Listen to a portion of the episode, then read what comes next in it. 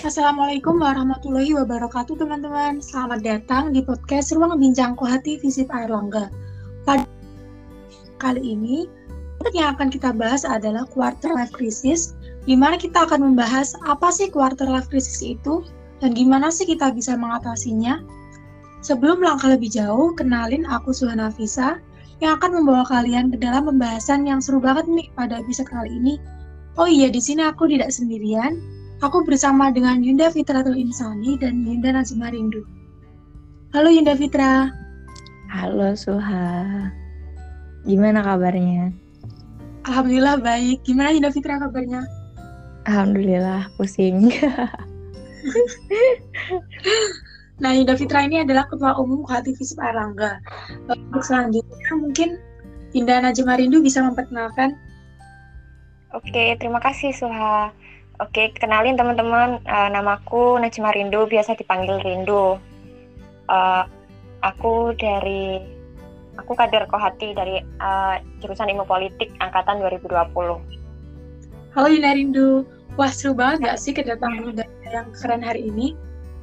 Uh, Oke, okay, selanjutnya aku ingin langsung bahas saja ya topik yang akan kita bawa pada hari ini, yaitu mengenai quarter life crisis. Topik kali ini sangat relate, relate banget ya sama kehidupan kita saat ini karena kita saat ini memasuki usia antara 18 sampai 30 tahun. Biasanya pada rentang usia ini kita cenderung khawatir kalau tentang masa depan dan terkadang merasa kehilangan arah. Istilah quarter life crisis inilah yang biasanya kita gunakan untuk menggambarkan kegelisahan tersebut. Nah, eh, aku mau tanya nih, kegelisahan atau kekhawatiran apa, apa aja sih yang pernah dialami oleh Yunda Fitra atau Yunda Rindu mungkin? Oke, siapa dulu nih? Mungkin aku dulu ya. Jadi mungkin kalau ngomongin kalau kita ngomongin terkait quarter life crisis itu mungkin jadi hal yang umum ya yang uh, setiap orang setiap orang itu juga ngalamin gitu. Nggak cuma aku, nggak cuma Suha, nggak cuma Rindu. Mungkin teman-teman yang udah mulai masuk ke dunia uh, apa ya dewasa kayak gitu udah hampir memasuki 20 tahun itu juga udah mulai ngerasain nih yang namanya quarter life crisis ya nggak sih kalian ngerasa gitu iya, nggak? Iya ngerasa ya. banget. Ya jadi ya menurutku itu hal yang wajar sih kita khawatir terkait masa depan kita tuh kayak gimana sih bahkan dulu mungkin cerita dikit aku ketika mau masuk kuliah pun juga gitu gitu loh kayak uh, aku ini dulu mau masuk PTN nih kira-kira bisa nggak ya?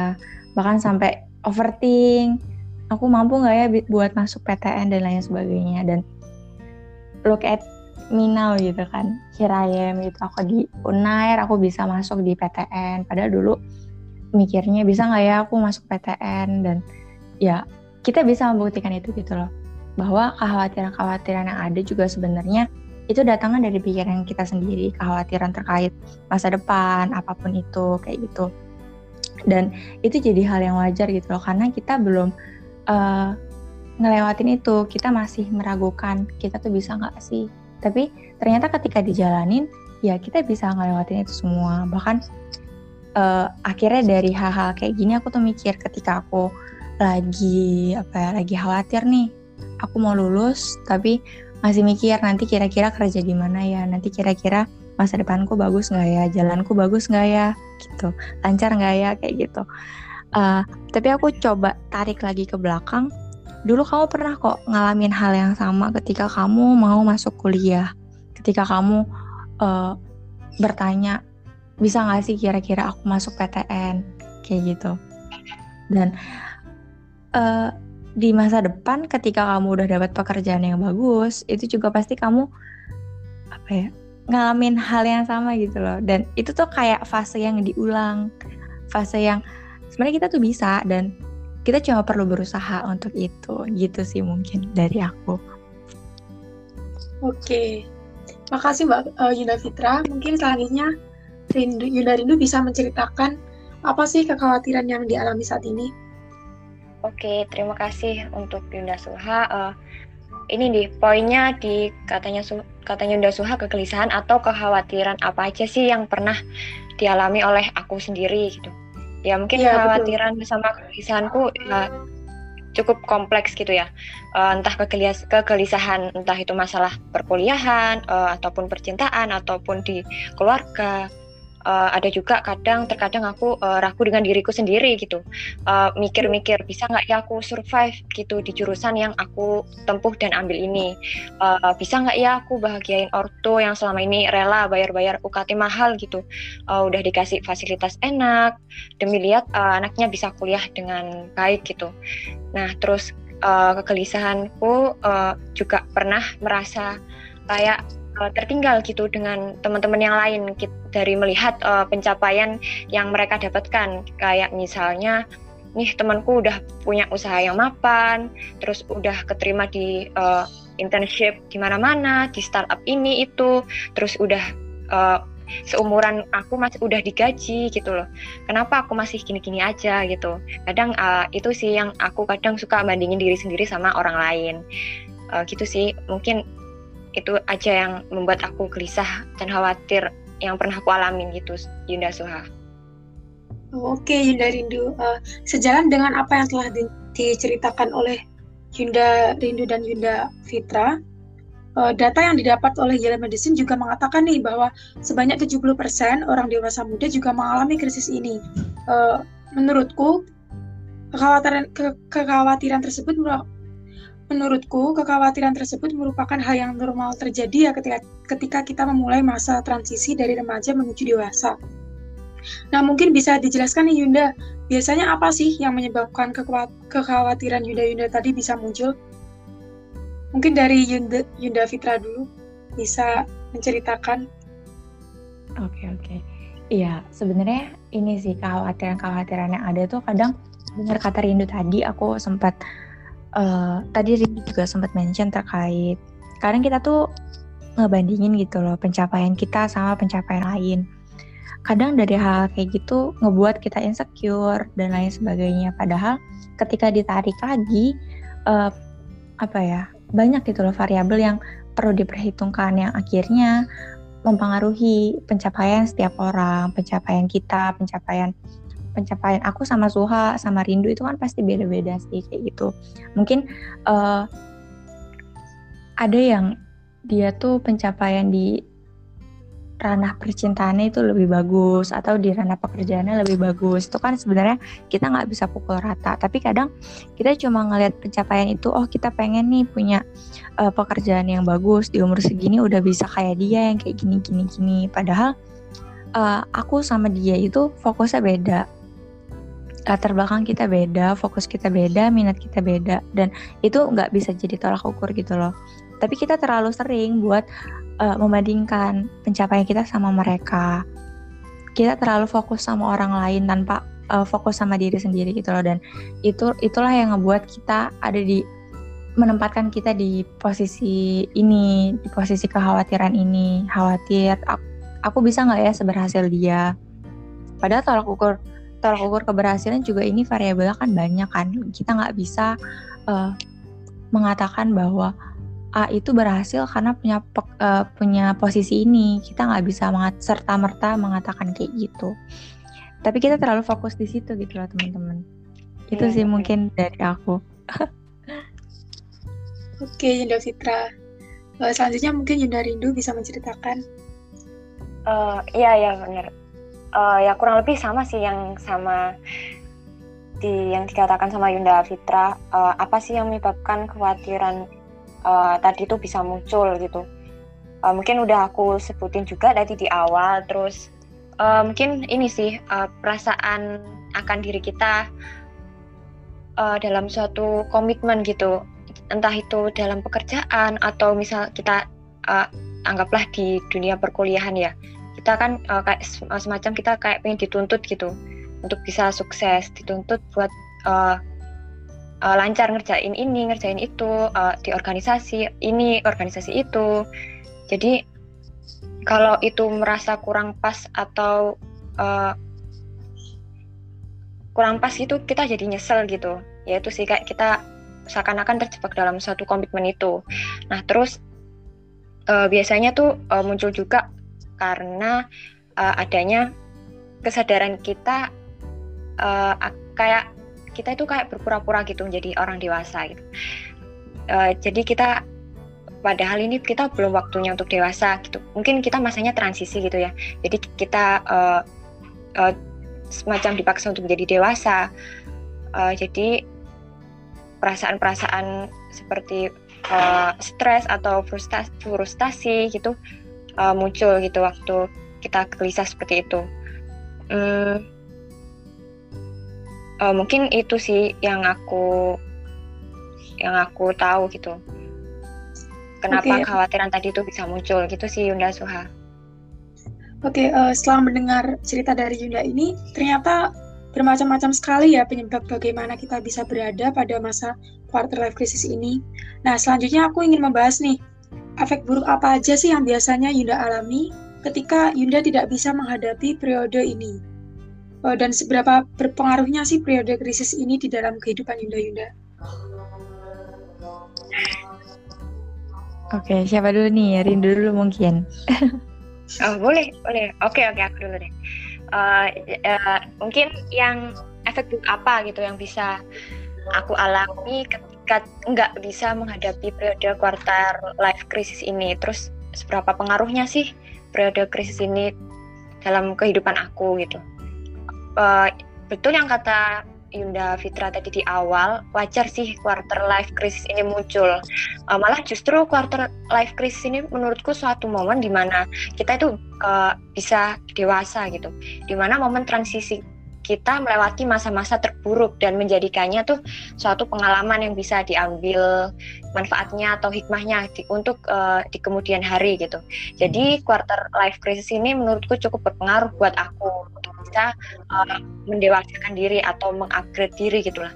Kalau buat efek buruk Uh, kalau nggak mengalami quarter life crisis ini sih mungkin aku jadi pribadi yang mudah banget nyerah gitu sih beneran ngelihat orang lain yang udah berprogres gitu jatuhnya nanti malah stres sendiri gitu.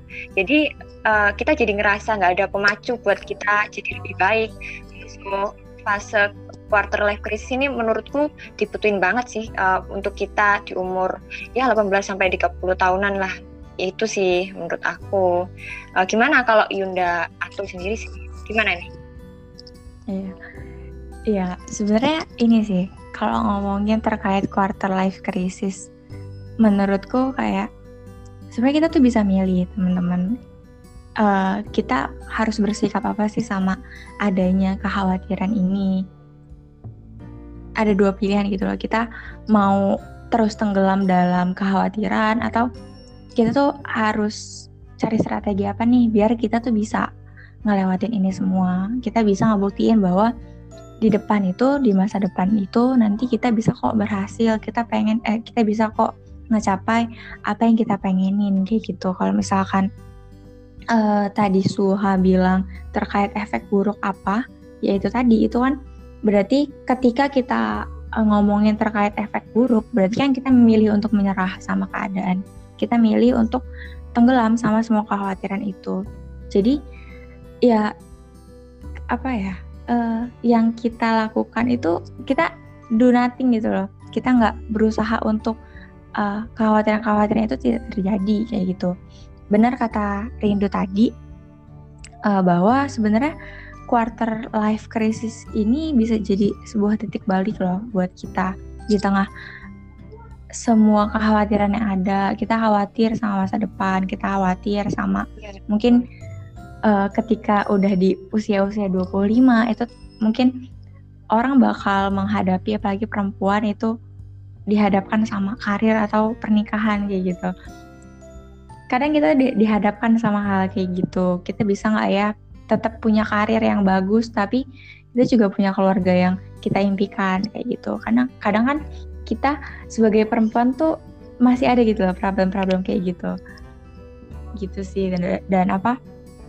Uh, menurutku quarter life crisis ini bisa jadi titik balik kita buat kembali refleksi nih. Oh kita kurangnya apa ya biar kekhawatiran itu tuh nggak beneran terjadi di masa depan. Akhirnya jadi ajang apa? Ajang untuk memperbaiki diri kita biar kekhawatiran-kekhawatiran yang ada itu gak terjadi gitu loh teman-teman. Dan uh, itu yang aku alami gitu loh selama ini. Kadang ketika aku khawatir terkait masa depan, terkait nanti ketika lulus aku mau apa sih, mau apa yang aku lakuin, target apa yang mau aku capai. Nah untuk ke sana tuh aku perlu apa, aku perlu nyiapin apa sekarang kayak gitu. Karena kan kita nggak nggak bisa ya, kita cuma pengen A, tapi kita nggak ada usaha apa pun kayak gitu. Ya kita nggak bisa gitu loh uh, sama hal, hal kayak gitu dan aku megang, aku percaya sama kata-kata everything you can imagine is real kayak gitu.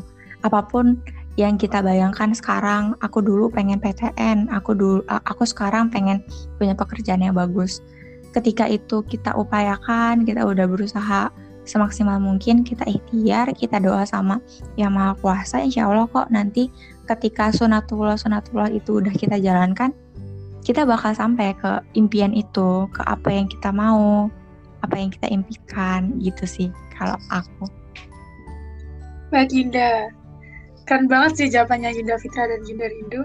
Nah, dari sini kita tahu nih bahwa ketika kita tidak bisa menghadapi krisis-krisis yang ada pada fase ini, maka kita kemungkinan besar akan sulit untuk berkembang ya, untuk menjadi lebih baik lagi. Uh, maka dari itu, aku mau tanya nih pertanyaan terakhir. Uh, apa sih uh, apa sih tips-tips yang Yunda miliki untuk mengatasi krisis-krisis yang muncul pada usia-usia ini? Mungkin Yunda Ridu dulu mulai menjawab. Oke, nah, terima kasih Yunda Suha. Uh, apa tadi ya, mengatasi krisis yang muncul pada usia-usia ini. Ya, uh, benar. Uh, uh, mungkin ini sih, dari permasalahan yang aku ceritain tadi, mungkin ini berhenti membandingkan diri sendiri sama orang lain nih yang penting sih jadi ya kita uh, kita percayalah sama diri kita sendiri kalau kita sendiri tuh bisa mampu. Jadi uh, buat apa gitu membandingkan pencapaian atau hubungan atau situasi hidup kita dengan orang lain gitu buat apa gitu? Uh, malah justru kita jadiin motivasi aja sih kayak orang orang lain tuh bisa sukses itu. Wah apa apa yang bisa kita ambil atau apa yang kita bisa uh, tariklah dari uh, perjuangan mereka atau bagaimana gitu sih. Terus yang kedua uh, mungkin bisa dari sharing-sharing uh, bareng temen gitu. Jadi nggak nggak nggak usah dipendam sendiri gitu kalau kita punya masalah atau bagaimana gitu. Uh, ya itulah gunanya teman gitu. Jadi kita benar. ya sederhana uh, benar-benar gitu. Jadi uh, kita sederhana aja gitu. Yang ngobrol sama temen uh, ceritain gimana harinya, gimana hari ini uh, jadi aku gitu punya meski aku punya temen nih ceritanya uh, sekarang sampai sekarang aku punya temen di meskipun dia beda jurusan gitu kita nggak emang intens ngechat gitu. Tapi dia tuh kalau ada masalah atau apa gitu kalau tanya kabar aku gitu tuh langsung call gitu langsung padahal kita itu nggak pernah chat intens gitu. Tapi kita saling ya saling tahu masalah uh, sendiri saling tahu masalah uh, kita gitu. Kalau ada apa-apa bilang gitu gitu sih. Uh, terus jadi uh, temen itu penting banget sih untuk ya mengatasi kita jika di saat life, quarter life crisis ini. Terus mungkin um, kita yang ketiga ya jangan terlalu keras sama diri sendiri gitu sih. Jangan terlalu ya jangan terlalu menekan menekan diri sendiri. Kadang kita kan nggak sadar nih uh, kita itu terla sebenarnya terlalu memaksakan diri gitu agar bisa kayak orang lain gitu mungkin agar bisa mencapai tujuan uh, tujuan yang pernah kita impikan di awal itu gitu jadi kalau uh, mungkin itu tidak bisa dicapai mungkin ada jalan lain gitu. Pasti ada jalannya sih itu. Jadi sebaiknya sih kita harus ya mengenal potensi diri kita dan juga mengenal kekurangan kita. Kekurangan kita di mana kelebihan kita di mana ya itu mungkin kita bisa olah biar kita bisa uh, tidak terlalu keras sama diri kita sendiri biar kita tahu uh, potensi kita di mana dan untuk menyelesaikan masalah itu bagaimana ya gitu sih kalau menurut aku sendiri. Gimana kalau Yunda Fitra gitu gimana? Iya sebenarnya benar sih aku sepakat banget sama apa yang diomongin Rindu. Kita tuh butuh butuh teman kita butuh yang namanya support system. Karena kita nggak sehebat itu buat menghadapi semuanya sendirian gitu kan kita butuh yang namanya temen yang bisa saling dukung ketika kita lagi insecure. Kita tuh worth gak sih sebenarnya? Kadang kita kita tuh bertanya-tanya gitu loh sama diri sendiri. Aku so worth itu gak ya? Dan itu jadi hal yang ya, mungkin beberapa orang juga ngalamin karena terlalu banyak ngeliat pencapaian orang lain. Terlalu banyak mikir orang-orang keren ya gitu. Orang-orang kok bisa ya dapet itu. Kenapa ya? Kok kita di umur yang sama dengan jurusan yang sama kok kita belum ya dapet itu? Kadang hal, -hal kayak gitu kan banyak banget kan. Mungkin Rindu juga ngerasain gitu ya? Atau gimana. Nduk? Iya ya. benar sering banget. Nah iya kan? Pasti uh, dan aku tuh tidak memungkiri gitu loh bahwa hal-hal kayak gitu tuh gak cuma aku aja yang ngerasain. Banyak kok teman-teman yang ngerasain kayak gitu juga. Kayak gitu. Dan menurutku uh, untuk menghadapi ini untuk menghadapi quarter life crisis kita cuma perlu benar kata Rindu perlu mengenali diri sendiri gitu loh. Kita perlu uh, tahu apa potensi kita apa yang perlu kita kembangkan. Biar kekhawatiran-kekhawatiran itu tuh nggak terjadi gitu loh. Biar kita bisa mengembangkan diri kita, kita bisa grow up, kita bisa nyusun strategi apa nih di depan, biar uh, apa yang kita pengen tuh kecapai. Kayak gitu sih kalau dari aku. Mungkin banyak kalau misalnya kita ngomongin quarter life crisis tuh kayak nggak ada habisnya nggak sih? Kayak iya benar-benar. Ya, da ya dari A sampai Z tuh kadang ada aja gitu. Masalah akademik lah, masalah nilai, masalah kehidupan, masalah keluarga kadang kita juga ya banyak banget gitu variabel-variabel itu dan gak ada habisnya. Kalau misalnya kita ngomongin terkait quarter life crisis dan uh, menurutku sayang banget sih ketika kita ada di fase itu dan kita terlalu tenggelam gitu loh sama fase itu. Kita nggak kita do nothing kita nggak bisa apa-apa kita nggak uh, nggak mikir nih ke depan kira-kira gimana. Itu menurutku sayang banget. Kita cuma buang-buang waktu untuk hal-hal yang mungkin gak belum tentu terjadi gitu loh. Mm-hmm. atau mungkin uh, kita sering nyebutnya tuh kita terlalu banyak overthinking. Uh, ya benar benar kalau ya, yang apa tidur pagi jam 3 itu kan banyak banget kan dari kita tuh yang ngerasa overthink sama banyak hal padahal itu semua tuh belum tentu terjadi gitu loh belum tentu terjadi ya hmm. jadi buat apa gitu kita uh, tenggelam dalam uh, fase quarter life crisis ini? Ya memang itu wajar sih gitu. Jadi kita ya jalanin aja lah. Emang itu emang fasenya gitu. Emang malah kita justru ya bersyukurlah kita bisa melewati quarter life crisis ini. Di mana kita kan ya itu tadi aku udah bilang. Jadi kita lebih bisa lebih dewasa lebih paham gitu. Kita lebih bisa uh, jago untuk menyelesaikan masalah gitu mm seperti itu sih ya kadang akhirnya dari hal, hal kayak gitu tuh kita dituntut dewasa gitu loh sama keadaan mm. kalau keadaannya kayak gini ya udah kadang uh, mungkin kita harus bersyukur sih kadang kala ketika ada fase kayak gini akhirnya kita bisa dewasa kita bisa uh, belajar gitu loh dari itu gimana kita ke depannya dan lain sebagainya. Hmm. Nah, kalau Suha gimana nih Suha? Mungkin nger lagi ngerasain juga nih quarter life crisis. Lagi ngerasain apa sih sebenarnya? Iya sih Mbak, uh, iya sih Yunda sama aja sih. Uh, pada usia-usia ini uh, aku lebih sering kayak membandingkan diri sendiri dengan orang lain gitu loh. Kayak kenapa sih aku masih di sini-sini aja sedangkan temanku aja bisa lebih dari aku? Apa sih yang bikin aku masih stuck di sini kayak gitu sih yang bikin aku nggak dan justru perasaan itu malah bikin uh, aku nggak bisa maju. Aku terlalu hmm. mengkhawatirkan banyak hal dan akhirnya aku nggak ada usaha satupun untuk uh, menjadi hmm. lebih baik lagi. Gitu sih iya. contohnya kayak gimana tuh yang lagi kamu rasain sekarang? Mungkin bisa sharing-sharing nih kita. Apa ya misalnya kayak temanku nih bisa buka usaha ABC gitu. Udah bisa punya penghasilan sendiri. Sedangkan aku masih gini-gini aja masih belum buka usaha masih uh, pusing dengan kuliah doang. Ya kayak gitu sih Yunda tapi mulai dari situ malah dapat apa ya dapat motivasi teman bisa gitu. Jadi mulai dari situ aku mulai berusaha sih Yunda untuk bisa menjadi lebih lebih baik lagi dan berhenti membandingkan diri sendiri dengan orang lain.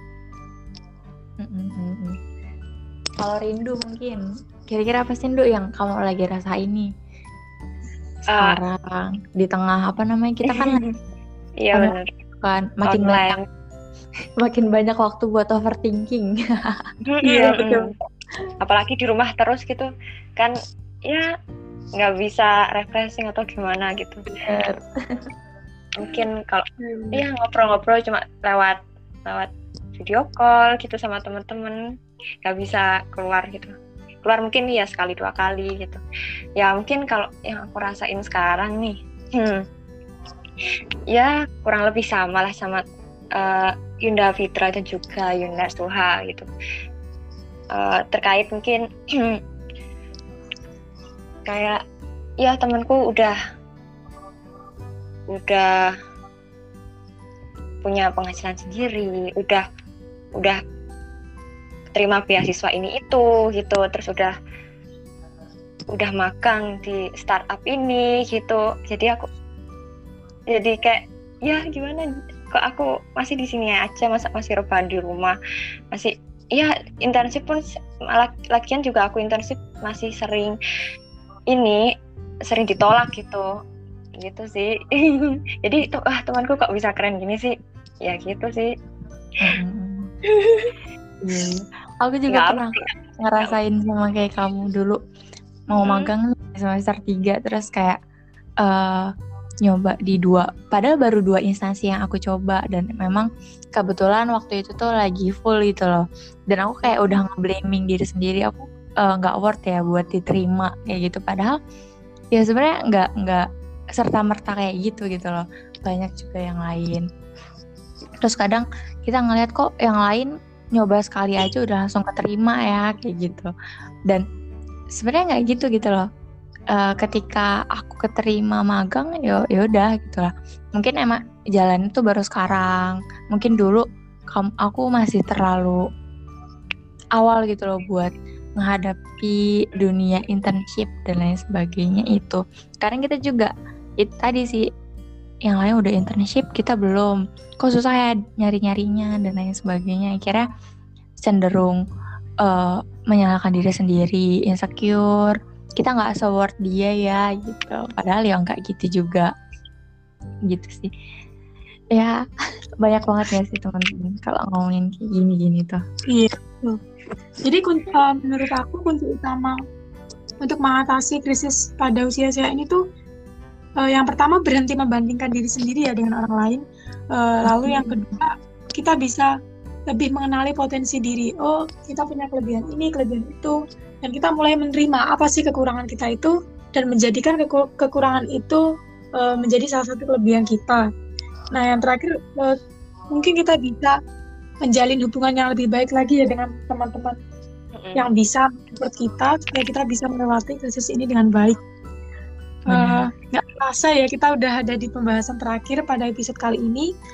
Melalui episode kali ini kita bisa tahu nih apa sih quarter life crisis, apa aja sih tanda-tanda ketika ketika kita memasuki masa krisis ini dan bagaimana kita dapat menghadapinya dengan baik.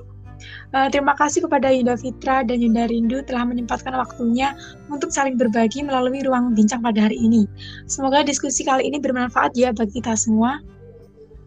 Tetap stay tune terus di ruang bincang Kohati Visip Air Langga dan nantikan episode-episode selanjutnya. Assalamualaikum warahmatullahi wabarakatuh.